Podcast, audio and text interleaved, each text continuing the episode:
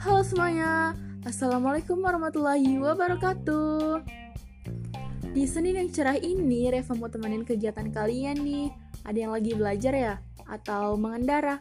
Atau bekerja? Atau rebahan? Hehehe Reva mau tanya, kalian semua udah sarapan belum? Pasti ada yang udah, ada yang belum Buat yang belum sarapan, sarapan dulu Gi Baru dilanjut kegiatannya Oke semua, kali ini Reva mau ngasih tahu tips-tips ngelupain mantan. Jadi untuk teman-teman yang belum bisa move on dari mantan, teman-teman itu harus punya kegiatan.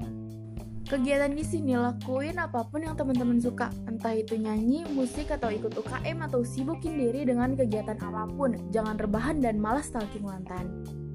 Hal yang wajib banget teman-teman hindarin waktu lagi move on dari mantan, teman-teman gitu nggak boleh stalking mantan. Karena kalau teman-teman stalking, teman-teman itu bakalan ingat lagi dan nggak bakalan bisa lupa kalau teman-teman itu masih stalking aja.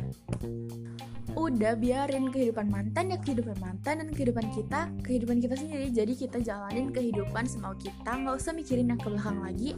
Jadi kita fokus tujuan ke masa depan teman-teman.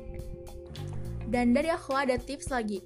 Untuk teman-teman yang pengen banget move on dari mantan, teman-teman itu wajib cari pengganti. Ini nih yang paling mutakhir cara untuk ngelupain mantan. Teman-teman harus punya yang baru. Biar teman-teman itu nggak mikirin mantan lagi.